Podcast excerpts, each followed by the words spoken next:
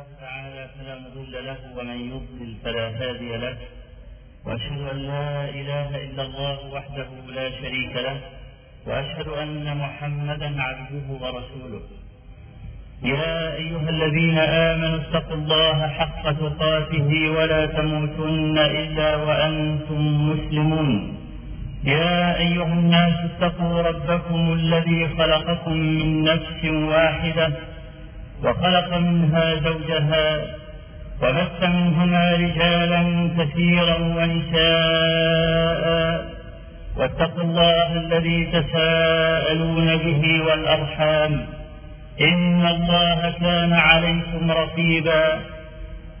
يا أيها الذين آمنوا اتقوا الله وقولوا قولا سديدا. يصلح لكم أعمالكم ويغفر لكم ذنوبكم. ومن يطع الله ورسوله فقد فاز فوزا عظيما. أما بعد فإن أصدق الحديث كتاب الله تعالى وأحسن الهدي هدي محمد صلى الله عليه وآله وسلم وشر الأمور محدثاتها وكل محدثة بدعة وكل بدعة ضلالة وكل ضلالة في النار. رأينا كيف وظف يوسف عليه السلام حاجة الناس إليه لدعوته. وما قيل قط ولا يقال أن هذا استغلال. استغلال غير شريف أبدا لأنه خرج الناس من اليوم يزعمون أن رجوع الناس إلى دين الله تبارك وتعالى كان بسبب الفقر يعني ليس رجوعا حقيقيا. إنما لما افتقروا ذكروا الله فرجعوا إليه.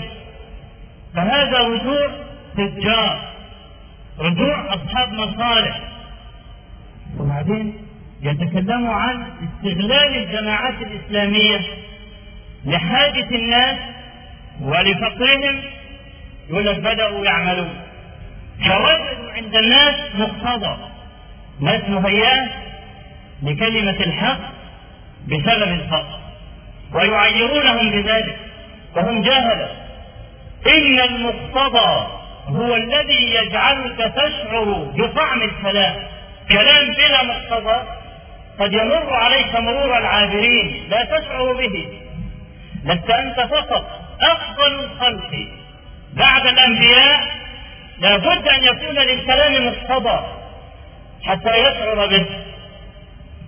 عمر بن الخطاب رضي الله عنه أما قرأ طوال السنين وما محمد إلا رسول قد خلت من قبله الرسل لما توفي رسول الله صلى الله عليه وآله وسلم جعل عمر يلوح بسيفه ويقول من قال إنه مات لا يعلونه بسيف هذا. والله ما مات. ولا يبعثنه الله فليقطع أرجل أناس وأيديهم. ونسي عمر الآية تماما. ونسي قوله تعالى إنك ميت وإنهم ميتون. حتى جاء أبو بكر من السن وقال على رسلك أيها الحالف وما محمد إلا رسول قد خلت من قبله الرسل. أفإن مات أو قتل انقلبتم على أعقابكم فسكن عمر. قال والله ما كأني قرأتها قط.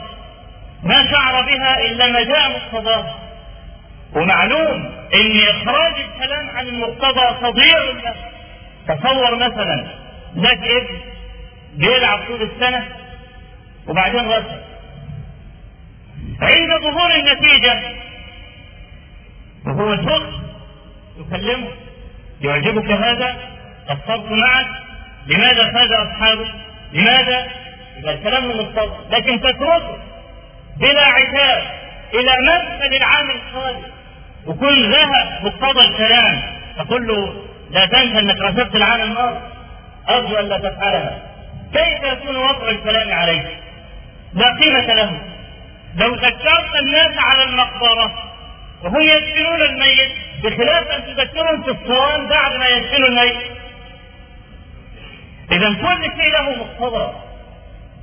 ناس محتاج جوعة من الذي يطعمهم يهددون من عشرين سنة. إن سنة 2000 هتجوع البشرية. لن يوجد فصل اسمها على الأرض والناس هتاكل بعضها سنة 2000 كأنه ليس لكون إله. كأن هؤلاء جميعا ليسوا عبيده هو يطعمهم حتى يقيم عليهم الحجة. إن إبراهيم عليه السلام طلب من ربه عز وجل ألا يطعم إلا المؤمن. قال الله عز وجل له ومن كفر؟ سأطعمه أيضا لئلا يكون لأحد على الله حجة. لماذا ما عبدتني جوعتني. ضيعتني. فأغدق عليه. لذلك تجد الكافرين أكثر الناس تمتعا بطيبات الدنيا. ليس لهم حجة. ثم ليس هذا هو مقتضى الرب الرحيم. بعباده يتركهم جائعين يهددون من سنوات في جفاف النيل جابهم طيور استغلال الظروف هذا من حجة الداعية. كل ما يرى الناس ظهر مقتضى الإيمان يذكر وقد كان علي بن أبي طالب يشير إلى مثل هذه القاعدة. لما يقول إن للقلوب إقبالا وإدبارا. فإذا أقبلت تحملوها على النوافل وإذا أدبرت فاقصروها على الفرائض. يبقى هذا استغلال سليم استغلال نظيف استغلال ذكي. ما يعجبه أحد من أولي الألباب. تحتاجون إليه؟ ما يعطيهم إلا بعد ما إلى الله. وذكرنا كيف أنه عليه السلام ترقى في دعوته. دعا أولا بلا كوثرة وعرض حجته وعرض دينه ثم ترقى إلى الأدلة البدهية التي لا يعارض فيها أحد. يا صاحب السجن أأرباب متفرقون خير أم الله الواحد؟ قضية بدهية لا يختلف فيها أحد. ثم بدأ بعد ذلك يترقى إلى الهجوم على آلهتهم. ما تعبدون من دونه إلا أسماء سميتموها أنتم وآباؤكم ما أنزل الله بها من سلطان. إن الحكم إلا لله. أمر ألا تعبدوا إلا إياه. ذلك الدين القيم ولكن أكثر الناس لا يعلمون. جمع الدين كله في هذه الآية. ما تعبدون من دونه إلا أسماء. يعني إيه؟ يعني أسماء ليس تحتها مضمون. أسماء ليس تحتها مضمون ليس تحتها معنى. أمين الصنفاء وحرام. يبقى إيه؟ لكن ليس تحته مضمون. توسع الشاعر الأندلسي من هذه الظاهره التي لا زالت موجودة حتى الآن وبوضوح. قال ومما يشهدني في أرض أندلس أسماء معتصم فيها ومعتضد أسماء مملكة في غير موضعها كالهر يحكي انتفاخا صوره الاسد نقلت يا مولانا تقي الدين وبيشرب خمر عضد الدين وهو الذي أدخل الأعداء. أسماء ما لها مضمون أسماء معتصم فيها ومعتضد كل ملوك الأندلس يا المعتصم بالله يا المعتضد بالله يا تقي الدين يا محيي الدين وراحت الأندلس. بعد 850 سنة. في الأندلس. أبيدت خضراؤه بالجنة لدرجة إنه لم يوجد أصل لمسلم على أرض الأندلس. سافرت إسبانيا سنة 76 وبعد جهد جهيد عثرت على المسجد. مسجد تنزل له 10 سلمات تحت الأرض. كل جالية عربية إسلامية أغلبهم من لبنان ودمشق بغداد المغرب نفس ارى مسلما إسلامي من جنس إسلامي. فأنا في المسجد أتكلم العربية؟ لأن أعلم أن هم الجالية العربية الموجودة فقط. فأكلم رجلا آخر بجواري من الإسلامية ففرحت أول مسلم أرام جنس إسلامي. وبعدين لما تكلمت معاه أخبرني بما فرحته أنه هو أصل مغربي. وهاجر هو وأبوه إلى إسبانيا ولا يعرف كلمة واحدة عربية وبيضت صغرهم 850 سنة. لا يوجد مسلم من الذي ضيعنا؟ عضد الدين والمعتصم بالله. أسماء مملكة. في غير موضعها إذ لا مضمون له. تتعب الحجر. ماذا يفعل لك؟ بتعبد الشجر ماذا يفعل لك؟ أي مسمى تعبده. ماذا يفعل لك؟ في النهاية اسم لا مضمون له. لا تعبدون من دونه إلا أسماء. سميتموها أنتم وآباؤكم ما أنزل الله بها من سلطان. كأنه ليس لشيء على الأرض قيمة إلا إذا كان هناك برهان من الله. والسلطان هو البرهان. لما تنظر لهذه الأسماء وتنظر إلى الإله الحق وهو يدلل على إلهيته بربوبيته تعلم الفرق. قل لو كان معه آلهة كما يقولون إذا لابتغوا إلى ذي العرش سبيلا. تسبح له السماوات السبع والأرض ومن فيهن. وإن من شيء إلا يسبح بحمده. ولكن لا تفقهون تسبيحه إنه كان حليما غفورا. شوف جمال الآية. لو كان فيهما آلهة كما يقولون؟ إذا لابتغوا إلى ذي العرش سبيلا. الآية دي لها معنيان غير الله تبارك وتعالى. إذا لابتغوا إلى ذي العرش سبيلا فقاتلوه وغلبوه وأخذوا منه العرش وسلبوا منه الملك.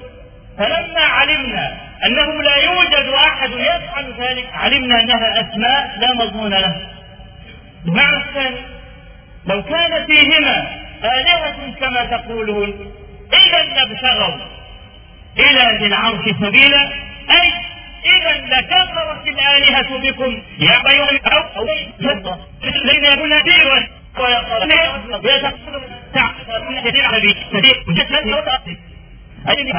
ليكون في السقف أو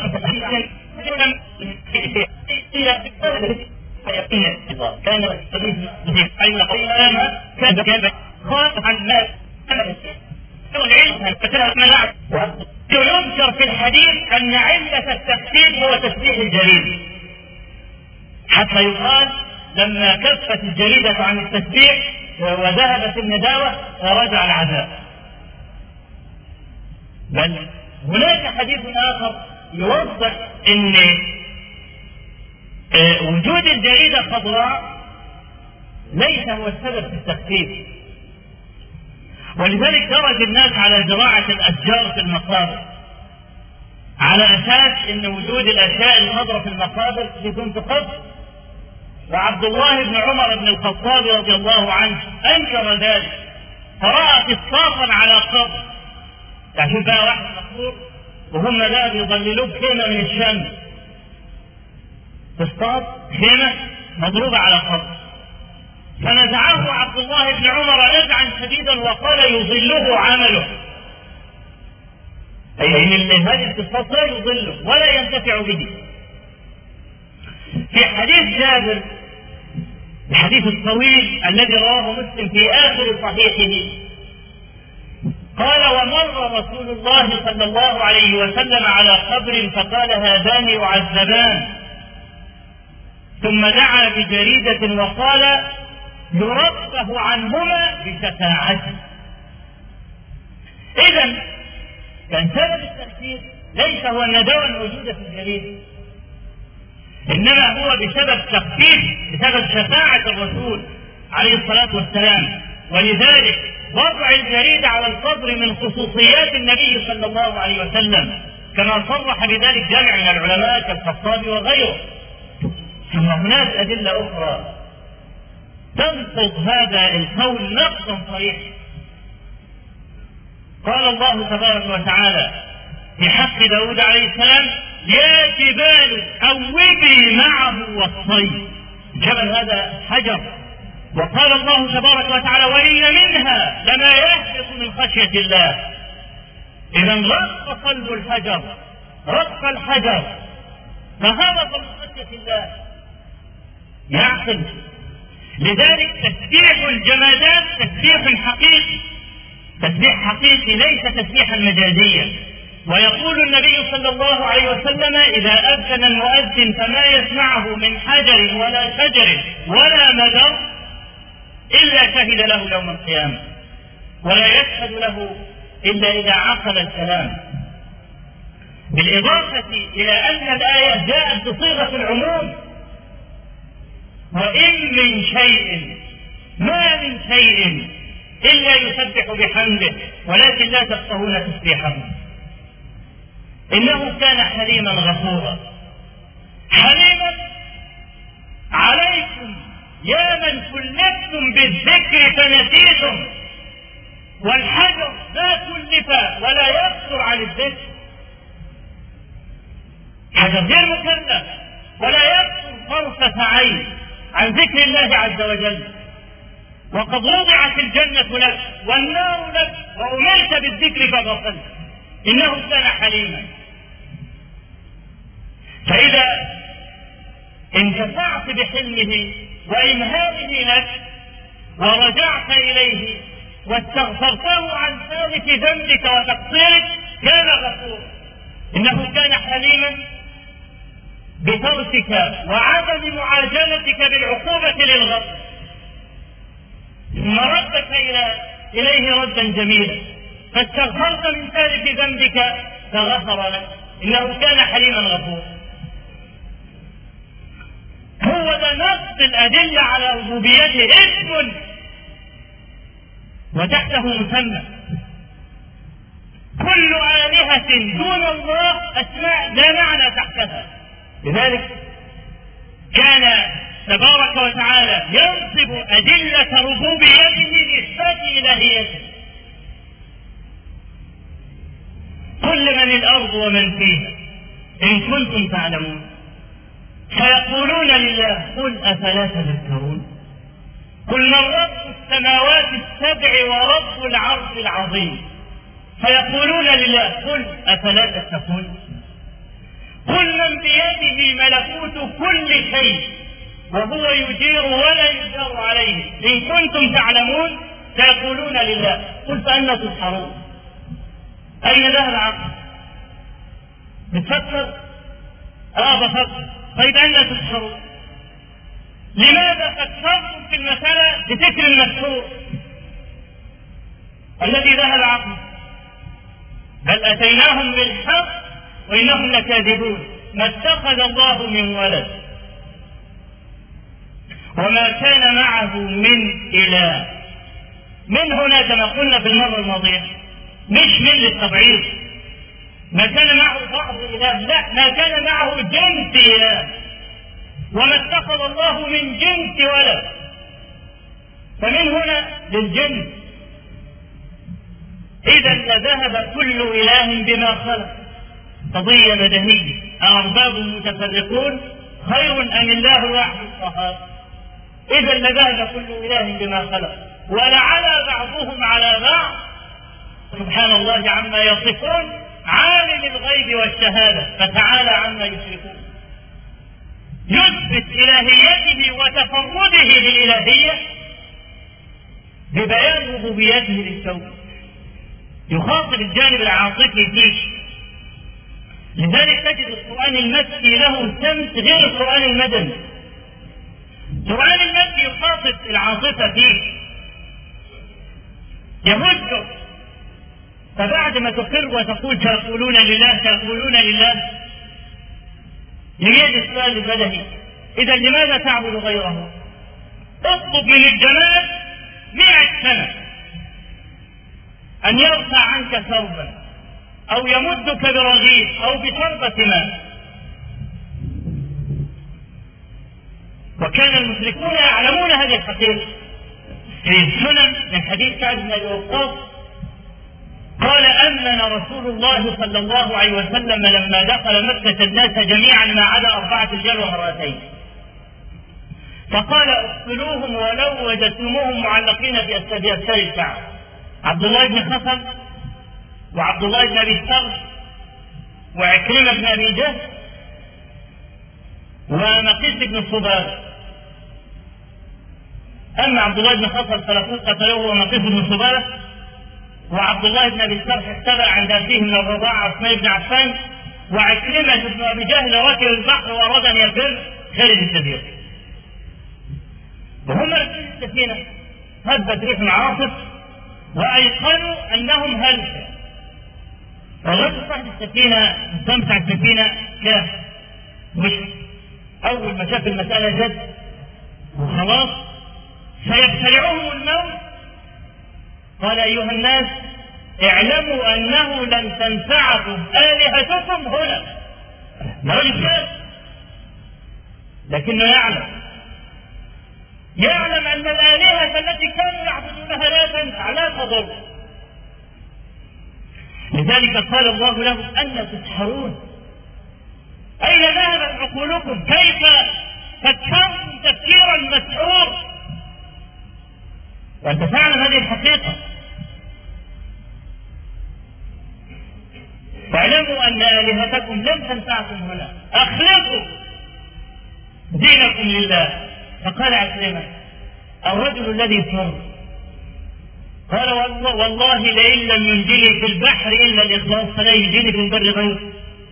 والله لئن أنجاني الله لآتين محمدا صلى الله عليه وسلم فلاجدنه عفوا كريما وذهب وأسلم وقبل النبي صلى الله عليه وسلم منه واحد مشرك أو معترف. قضية بديهية.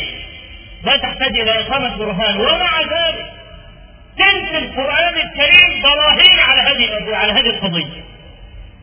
يعني قضية بديهيه لا تحتاج إلى كبير مجهود لا تحتاج إلى كبير اقناع تنسى القرآن الكريم.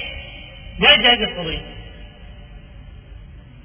قل الحمد لله وسلام على عباده الذين اصطفى. آه الله خير أما يشركون؟ ما يشركون أسماء سميتموها أنتم وآباؤكم ما أنزل الله بها من سلطان. فضحهم الله في هذه الآيات القادمة. الله خير أما يشركون؟ طيب الله عز وجل يعمل إيه؟ أمن خلق السماوات والأرض وأنزل لكم من السماء ماء فأنبتنا به حدائق ذات بهجة ما كان لكم أن تنبتوا شجرة. أإله مع الله. بل هم قوم يعدلون. أمن جعل الأرض قرارا وجعل خلالها أنهارا وجعل لها رواسي وجعل بين البحرين حاجزا. أإله مع الله. بل أكثرهم لا يعلمون. أمن يجيب المضطر إذا دعاه ويكشف السوء ويجعلكم خلفاء الأرض. أإله مع الله. قليلا ما تذكرون. أمن يهديكم في ظلمات البر والبحر. ومن يرسل الرياح بشرا بين يدي رحمته أإله مع الله. تعالى الله عما يشركون أمن يبدأ الخلق ثم يعيده ومن يرزقكم من السماء والأرض أإله مع الله.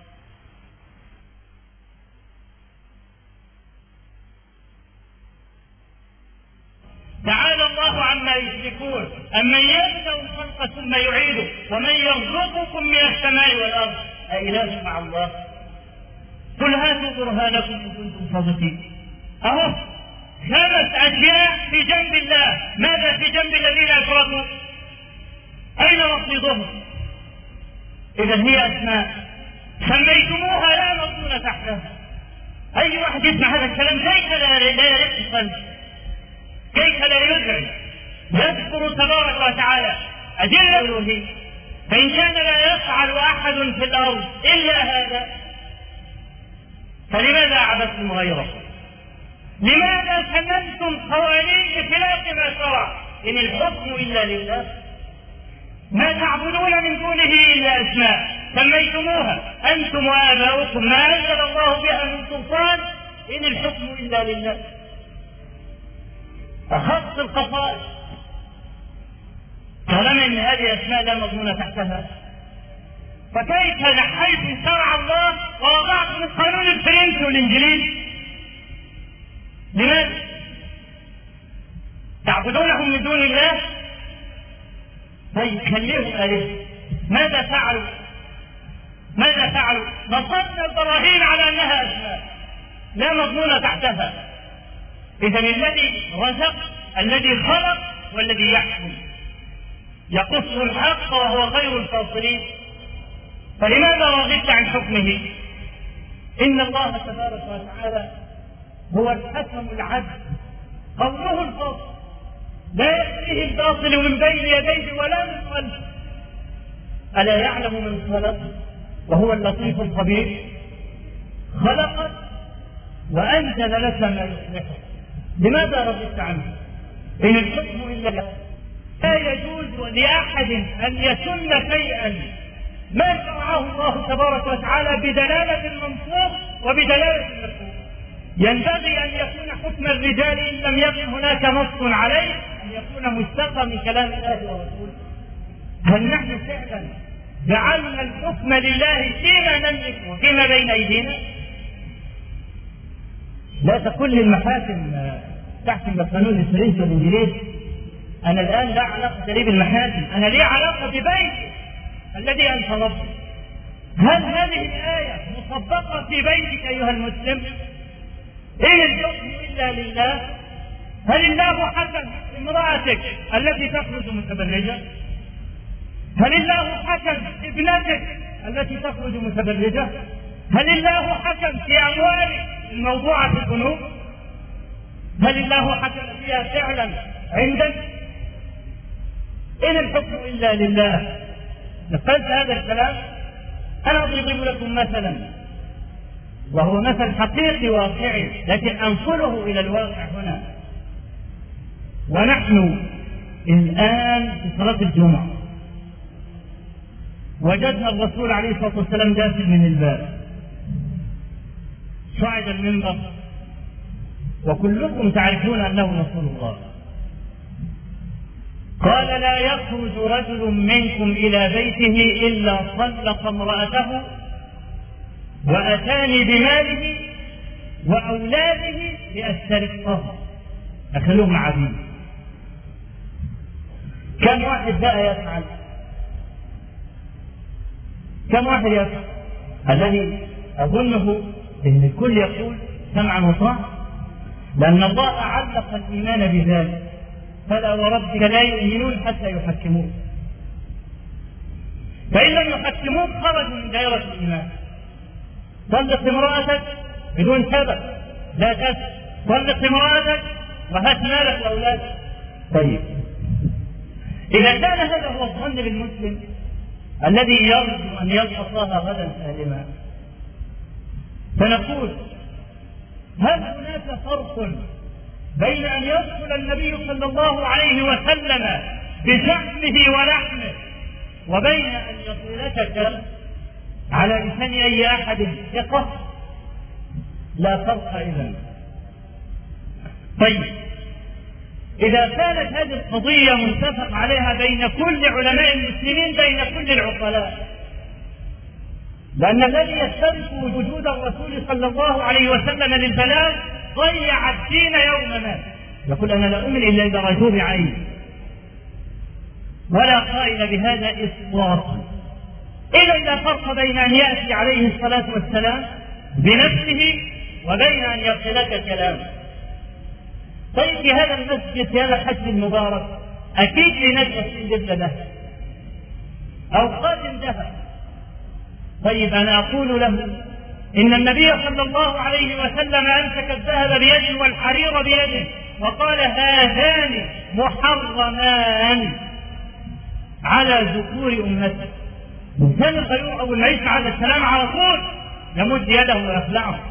هو ده مقتضى السمع والطاعة. إن الحكم إلا لله. إذا حكم ينبغي أن تسمع. ولذلك جاءت الآية مرتبة بعد ما نفى ألوهية الخلق وذكر ألوهية الله عز وجل ذكر أخص خصائصه هي الحاكمين وسنبقي عليها ضوءا إن شاء الله عز وجل بعد الصلاة. أقول قولي هذا وأستغفر الله العظيم لي ولكم.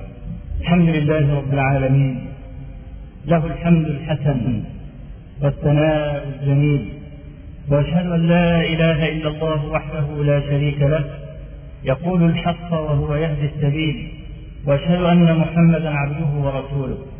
صلى الله عليه وعلى آله وصحبه وسلم.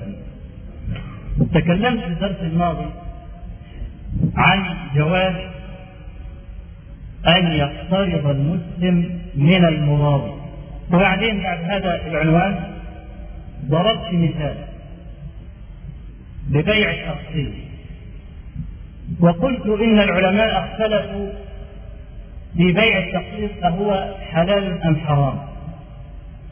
على قولين لأهل العلم فالجماهير على جواز بيع القسط وبعض العلماء على تحريمه وأنه ربا. لقوله صلى الله عليه وآله وسلم من باع بيعتين في ربا من باع بيعتين في بيعة فله أوسسهما أو ربا. فلا شك أن الذي أخذ السلعة بالقسط أخذ الوسط وهي الخسارة. خسارة الناتجة في زيادة رأس المال في مقابل المهلة. والذي أخذ هو البائع أخذ الربا. فكلاهما أخذ الربا والآخر أخذ الوزن فله أوكسهما أو ربا.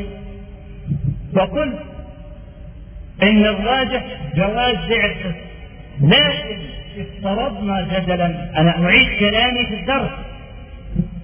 لأن بعض الإخوة استنتج من كلام استنتاجات خطيرة. أنا لا أقول بها وأبرأ إلى الله منها. لما قلت يجوز قلت يجوز إن نقترض من مال المراد قال لك ثم البنك ادر اذا يجوز القرض من البنك. ولما فهم ذلك مني خشيت أن ينقله عني. لذلك اوضح هذا البيان. ثم أزينه بتعليق خفيف. سلمنا جدلا أنك ممن ترى حرمة بيع القسط يا جماعة أرجوك انتبهوا لكلامي. بيع القسط فيه قولان قول بجوازه وقول بحرمته. القول بالحرمة لأنه ربا في نظر المحرمين. يقولون هو ربا. نفترض أنك ممن ترى حرمة بيع القسط. إذا الرجل الذي يبيع بالقسط من وجهة نظرك مراد. الرجل الذي يبيع القسط من وجهة نظرك مراد. طيب.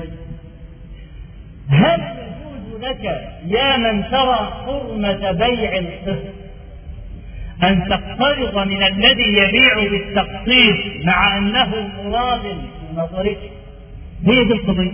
لذلك لما أنا ذكرت العنوان أو أذكر المثال تحت العنوان فلا تفهم العنوان بشكل والمثال على وجه آخر إنما أنا ذكرت المثال لأفصل العنوان.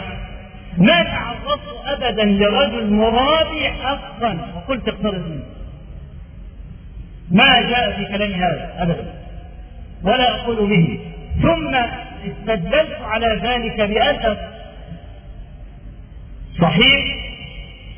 وهو أن عمر بن الخطاب رضي الله عنه لما أرسل بعض عماله وقد ورد في بعض الطرق أنه سمرة. ابن جندب رحمه رضي الله عنه فالنصارى لما راح يأخذ الجزية منهم أعطوه الخمر. فأخذها فلما جاء بها قال قاتل الله سمرة أنا علم أن الخمر حرمها الله. ولوهم بيعها وخذوا أثمانها فواحد يقول طيب إيه يجب يعني؟ الخمر حرام. قال له هو يبيعها واخذ ثمنها طب في فرق؟ آه. في فرق جوهري إن الخمر عند النصارى حلال. الخمر عند النصارى حلال ليست حراما. اذا هم باعوا شيئا حلال عندهم والأموال التي أخذتها منهم من حلال بيعهم. اذا ما في مشكلة؟ قال شيخ الإسلام ابن تيمية رحمه الله فالمسلمون أولى بهذا من النصارى. ثم بعد ذلك المثال ذكرت القاعدة المذكورة عند العلماء وهي مراعاة الخلاف للفتوى. فمثلا الرسول عليه الصلاة والسلام قال أيما امرأة نكحت بغير إذن وليها فنكاحها باطل من باطل. من باطل من وأفتى مالك والشافعي وأحمد وجماهير أصحابهم ببطلان النكاح بغير الولي بنت تهرب مع واحد تحبه؟ وتدير اثنين هو يشهدون على العقد. هذا عند الأئمة الثلاثة وجماهير الأصحاب باطل باطل تساوي الصفر أبو حنيفة رحمه الله قال لا يجوز النكاح بغير الولي واستدل بعمومات النصوص رد عليها جميع العلماء. طيب. واحد بناء على فتوى أبي حنيفة رحمه الله قام برضه رايح واخد اثنين وايه وهرب مع واحدة واتجوزها. طيب. أنا مفتي شافعي. جاء رجل وقال والله حصل كذا وكذا وأبوها ما كانش موافق فأخذته إيه المهم. فواحد قال لي نكاح الضرب طيب. الأولاد دول. أولاد زنا. النكاح باطل وقلنا باطل توصل يبقى أولاد زنا وأنا اعتبر زاني بالمرأة وهي زانية وقام علينا الحد أقول له لا. ليه أقول له لا؟ مراعاة للشبهة.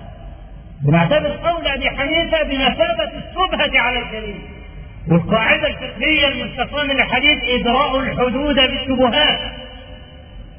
إذا قامت شبهة لا تقم الحد. لأن دم المسلم معصوم بيقين فلا يهدر للشبهه فنقول في مراعاة الخلاف تقتضي عدم الفتوى بان الرجل والمرأة زانيان والأولاد أولاد زنا لكن يقال العقد باطل جدده. ذكرت هذا المثال أيضا للتوضيح بيع القسط في خلاف؟ يبقى مراعاة للخلاف. ثمر بيع الخلاف بين الجماهير؟ جواز من الذي يتنا يتعاطى بيع القسط وإن كنت ترى أنه ربا. لكن ان تعففت وتورعت خير لك. يعني كيف تأخذ ممن تعتقد أنه يتاجر بالربا. لكن إذا اقترب لظرف ما من رجل يتعاطى بيع القسط الذي هو ربا في نظرك جاز. ثم بعد هذا المثال ذكرت قاعدة الآتية إن الحرام لذاته. ما أبيح القصد ولا يجوز تعاطيه. أما الحرام لغيره فسار فيه الخلاف زي بيع يعني الحرام لذاته أي الذي حرمه الله لما يشتمل عليه في ذاته من القبائح والمفاسد. كالشرك. ما أباحه الله قط كالزنا ما أباحه الله قط كالقتل ما أباحه الله قط أبدا. ليه؟ لما يشتمل عليه في جنسه من القبائح والمفاسد فده اسمه حرام لذاته لعينه. إنما الحرام لغيره. أصل حلال. لكن انضم إليه شيء نقله من الحل إلى الحرم. مثال. رجل عنده عشر فدادين عنب إذا قطف العنب وحطه في بعض الاسواق حلال إذا أخذ العنب والثالث بتاع خمارة يعصره عشان يعملوا خمرة حرام طب حرام ليه مع إنه اصله حلال؟ لأن احتف التصق به شيء نقله من الحل الحرم. كذلك رجل اغتصب ارض من يتامى ولا من فقراء وبنى عليها مسجد بنى مسجدا عليها.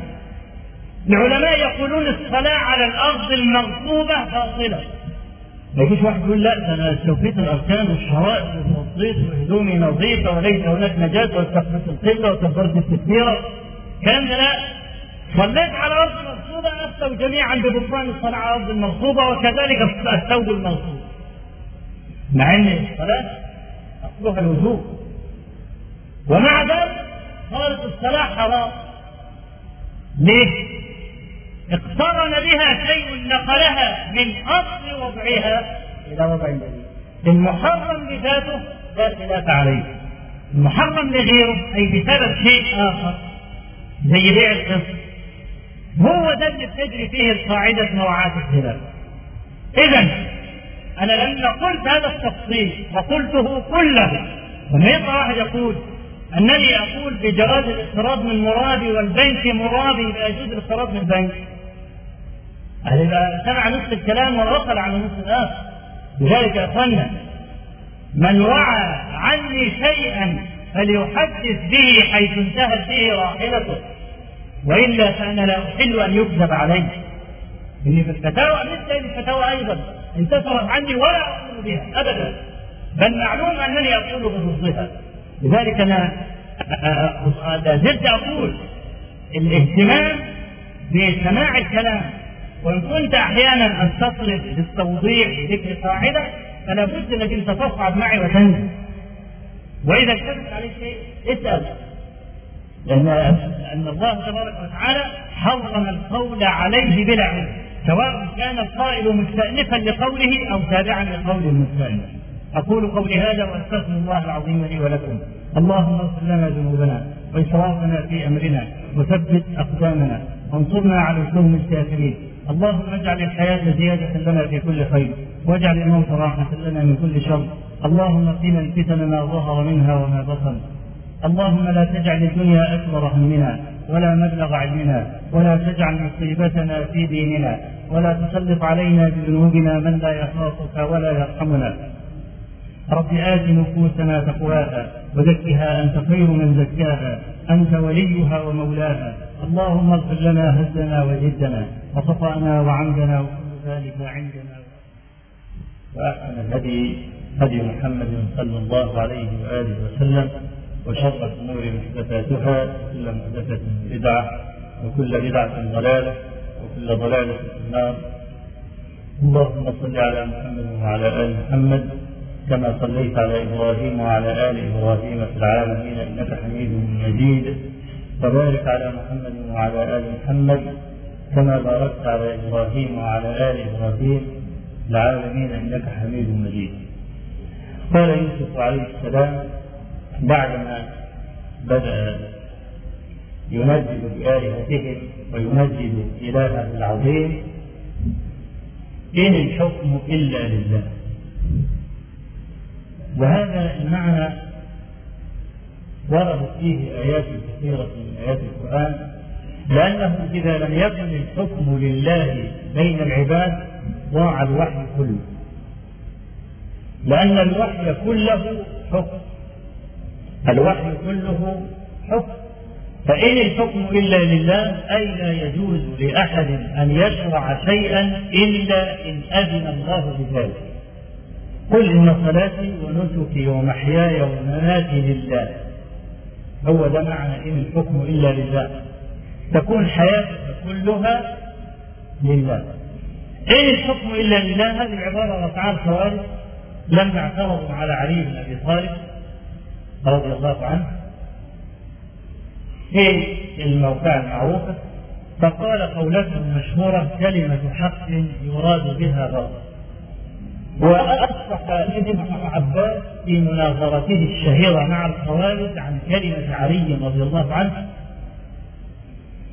وبين أن هؤلاء الخوارج إذ ظنوا أن المرء لو اجتهد في وضع حكومة بين شخص وآخر ليس عليها نص صريح.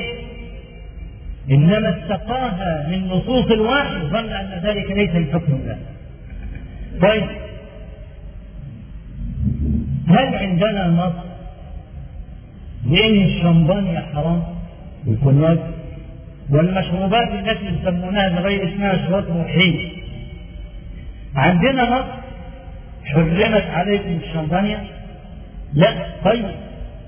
ما هو معنى إن الحكم إلا لله؟ يعني أريد نصا أريد نصا من الوحي. قرآنا كان أو سنة لأن السنة من الوحي. وقوله تبارك وتعالى إنا نحن نزلنا الذكر وإنا له لحافظون. الذكر القرآن والسنة باتفاق العلماء. فنريد نص الجواب لا نص يعني يعني الشمبانيا حرام؟ لا أنا أفتي أنها الشمبانيا حلال؟ لا أنا أفتي أنها حرام، طب أين النص؟ القياس هي القاعدة أخذت من دلالة النصوص التي تواضعت على ذكر الحكم. فالخمر في كتاب الله حرام. ما هي العلة التي من أجلها حرمت الخمر؟ ذهاب العقل بالسكر. يبقى العلة التي لا تتخلف ولا يختلف عليها أحد في الخمر هي السكر. فإذا كانت العلة موجودة في الأصل الأصل اللي هو إيه؟ النص قرآن. الأصل حرمت عليكم الخمر. الحب إنها حرام. يبقى أنا أرجع عند نص وحب. النص مذكور في القرآن إنما الخمر والميسر والأنصاب والأزلام رجس من عمل الشيطان فاجتنبوه. طيب ما هو حكم الخمر؟ تبعا لهذا النص حكمه التحريم. ما هو العلة في التحريم؟ الذي يذهب العقل. شوف مترتبة إزاي عندي نص وعندي حكم وعندي علة حكم. نص اللي هو كلام الله المجيد طب ربنا نزل الكلام ليه؟ ليه؟ عشان يحكم طيب ما هو الحكم؟ التحريم طيب لماذا التحريم؟ للإسكار وذهاب العقل رفع ولا رفع بقى؟ طيب لما أنا بقى أحب اقيس هذا إن. الشيء اللي أنا عايز أحكم عليه ملوش نص ليس له نص إنما له عله وحكم يبقى الحادثه الجديده اللي أنا هبت فيها الآن بخصوص الشمبانيا الشمبانيا إيه حكمها؟ يبقى عايزين إيه؟ حكم قعدت ادور في الكتب ما فيش بلغت عليكم الشمبانيا طيب إيه أخص خصائص الشمبانيات الاسكار أروح أدور بقى عن العلة دي موجودة فين؟ هي موجودة في الخمر أو الآن. طالما إن العلة واحدة الأصل والفرع. يبقى أنا هسند الفرع حكم الأصل. الأصل اللي هو إيه؟ خمر الفرع اللي هو إيه؟ شمبانيا بيسموه أصل وفرع على أساس إن إيه؟ يعني الأصل بيكون تابع للفرع. في نفس الخصائص بتاعته حتى الثمره بتكون فيها خصائص الاصل يعني أنت لو كان مثلا خدت جوافات لو رحت خدت الشجرة بتاع الجوافه تشم ريحة الجوافه لو مسكت الورقة بتاع الجوافه وكسرتها كده وسميتها ريحة الجوافه كذلك نفس العنب بتاعت الليمون والبرتقال فالفرع له نفس خصائص الأصل لكن ليس بإيه؟ بضخامة الأصل ووضوحه. الفرع ما فيش من الشجر فالنهارده الفرع اللي أنا بدور على حكمه الشمباني لقيت إن العلة بتاع الاسكار دي موجودة. فأقوم أروح إلى الخمر. ألاقي العلة في تحريم الخمر. من الاسكار أو الآن طالما استوت العلتان ولا بد في العلة أن تكون وصفا حقيقيا منضبط وإلا لا تكون علة لا يجوز القياس عليه. وجدت العلة حقيقية يشرب هنا يقول أنا جدع ويشرب هنا يقول أنا جدع يبقى خلاص هي دي قد دي لكن لو شرب هنا وسكر وشرب هنا وصبر مصحصح وبتاع أقول له لا. العلتان العله هنا اختلفت عن هنا. وطبعا إحنا هنقيس على مين؟ هنقيس على المد